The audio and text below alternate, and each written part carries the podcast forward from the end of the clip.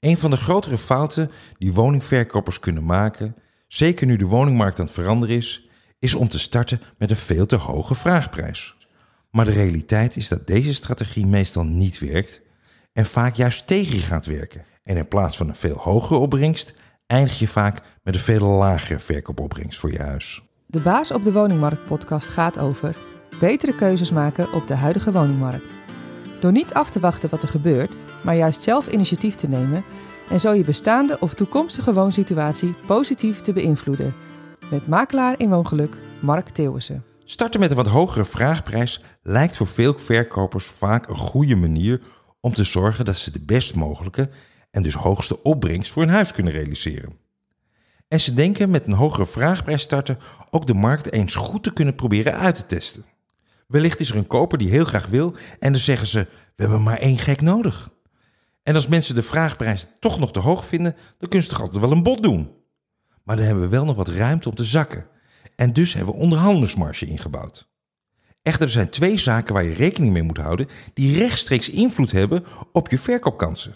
En de eerste is zonder kijkers geen biedingen. Je kan alleen een bieding ontvangen als je daadwerkelijk ook kijkers op je huis krijgt. En een hoge vraagprijs kan er juist voor zorgen dat kijkers niet eens willen langskomen voor een bezichtiging. Als kijkers op voorhand al het idee hebben dat je te veel vraagt of dat de prijs niet klopt in verhouding met wat je aanbiedt, dan is de kans groot dat deze kijkers niet eens de moeite nemen om een bezichtiging te willen plannen. En daarmee heb je dus met een te hoge en dus onaantrekkelijke vraagprijs, die geen mensen over de vloer trekt, eigenlijk jezelf iedere verkoopkans ontnomen. 2. Je beste marketingperiode. De meeste aandacht voor je woning krijg je de eerste paar weken als je huis net in de verkoop staat. Dan heb je het meeste animo voor je woning.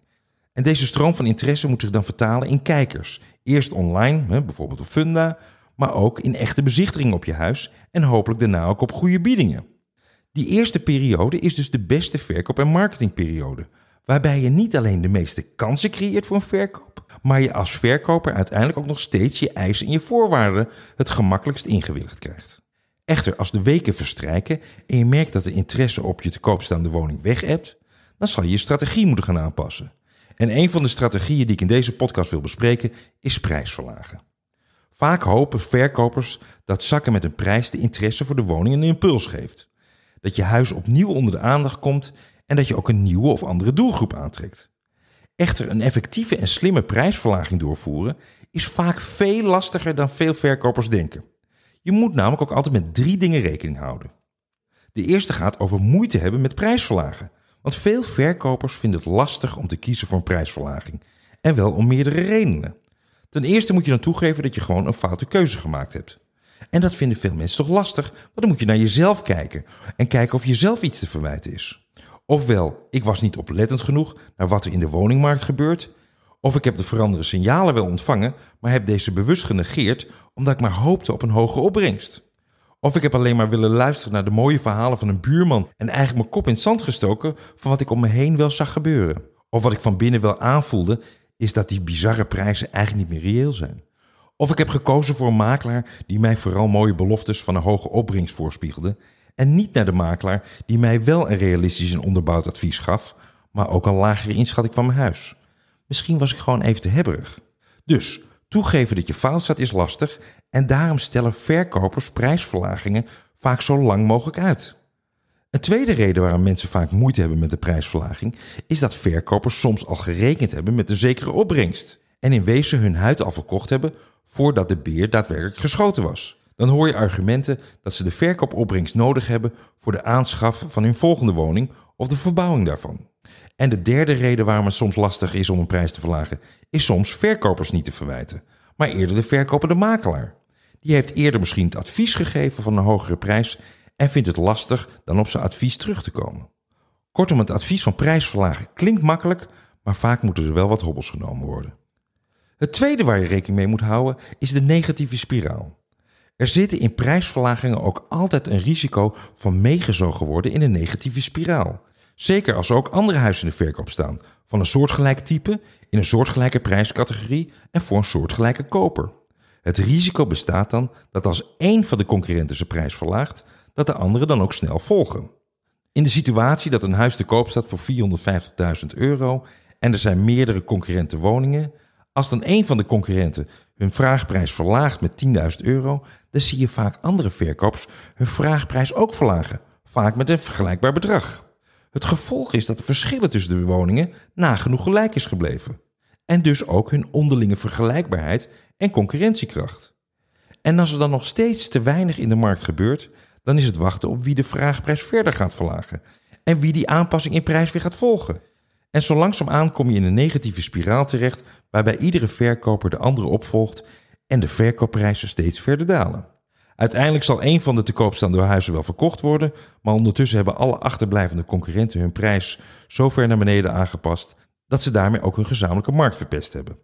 En zo zijn ze allemaal in de negatieve spiraal naar beneden getrokken.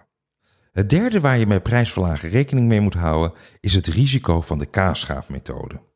Dit is enigszins gerelateerd aan de vorige, de negatieve spiraal, en dat is dat verkopers vaak te voorzichtig zijn met hun eigen prijsverlaging en ook vaak liever de kaasschaafmethode hanteren. Dat is een methode waarbij verkopers de vraagprijs steeds maar in kleine stapjes verlagen. Ik heb een speciale video opgenomen over de kaasschaafmethode op mijn YouTube-kanaal. In de beschrijving van deze podcast vind je een link naar deze video. En daar kan ik goed laten zien en visueel maken hoe verkopers zich vaak niet bewust zijn van het risico van het hanteren van de kaasschaafmethode. En dat het risico niet alleen is dat je feitelijk achter de markt aan gaat lopen, maar dat je als verkoper vaak ook nog eens een dubbel verlies moet incasseren. Dus bekijk de video. Wat moet je dan wel doen? Wat kan je doen als je al gestart bent met een te hoge vraagprijs? Als eerste moet je de ontstane situatie niet laten doorsukkelen in de hoop dat er uit het niets opeens een koper opdoet die jouw probleem gaat oplossen. Dat is een veel te passieve houding die eerder frustratie oplevert. Iedere dag dat je niks hoort, dat er niks gebeurt rondom de verkoop van je huis.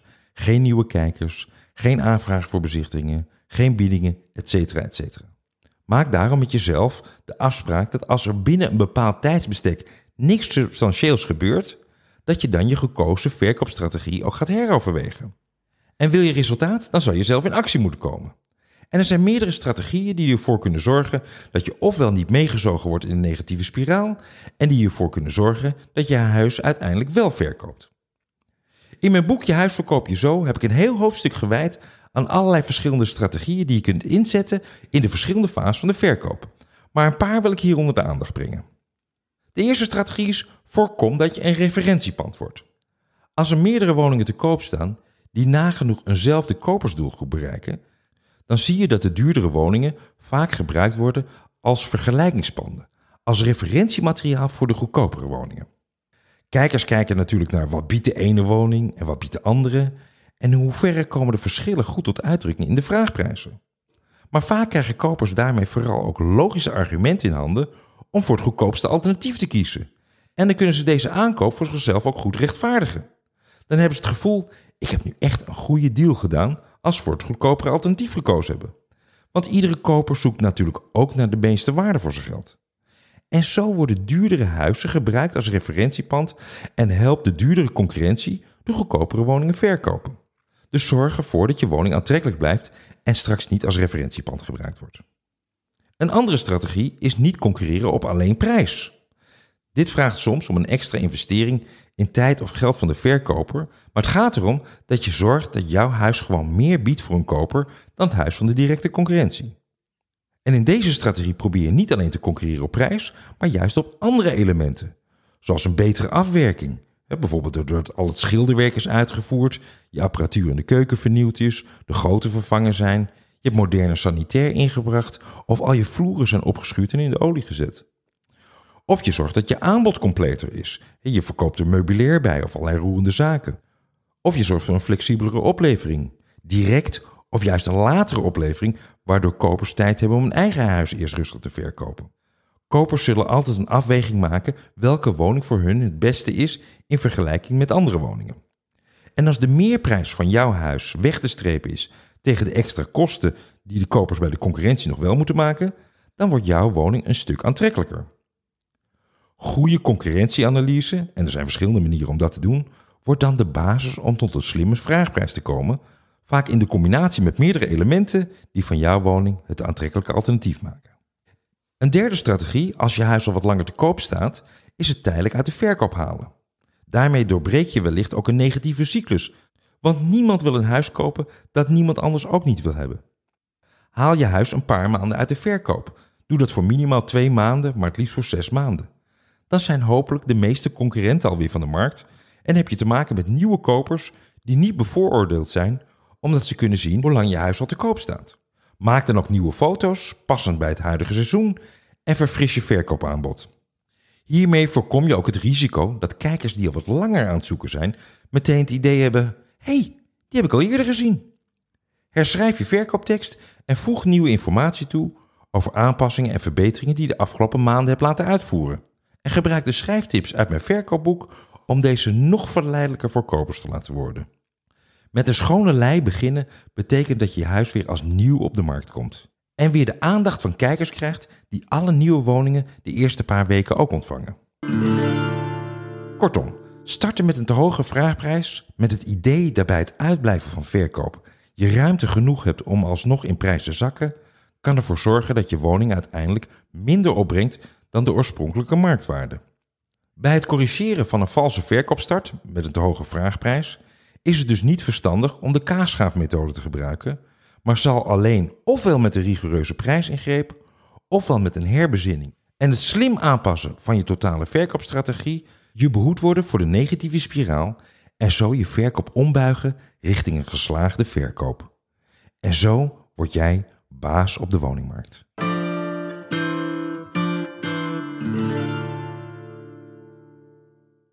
Nu de woningmarkt aan het kantelen is, is het tijd voor slimme verkopers om het heft weer in eigen hand te nemen.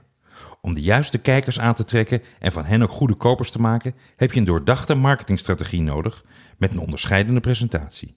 Je huis alleen maar even snel op funda zetten is niet langer voldoende. Mijn boek Je huis verkoop je zo is jouw ultieme gids om je woning succesvol te verkopen. Met een compleet stappenplan en waardevolle verkooptips en tricks van een makelaar met meer dan 20 jaar ervaring. Ontdek hoe jij jouw ideale doelgroep bereikt en daarmee je verkoopkansen vergroot. Leer hoe je een juiste vraagprijs bepaalt, een emotionele klik creëert tussen potentiële kopers en je huis en hoe je professioneel onderhandelt. Als jij serieus aan de slag wil met de verkoop van je appartement of woonhuis, bestel dan nu je huis verkoop je zo via de link in de show notes en word baas over je eigen verkoopproces. Met succesvolle verkoop als het resultaat.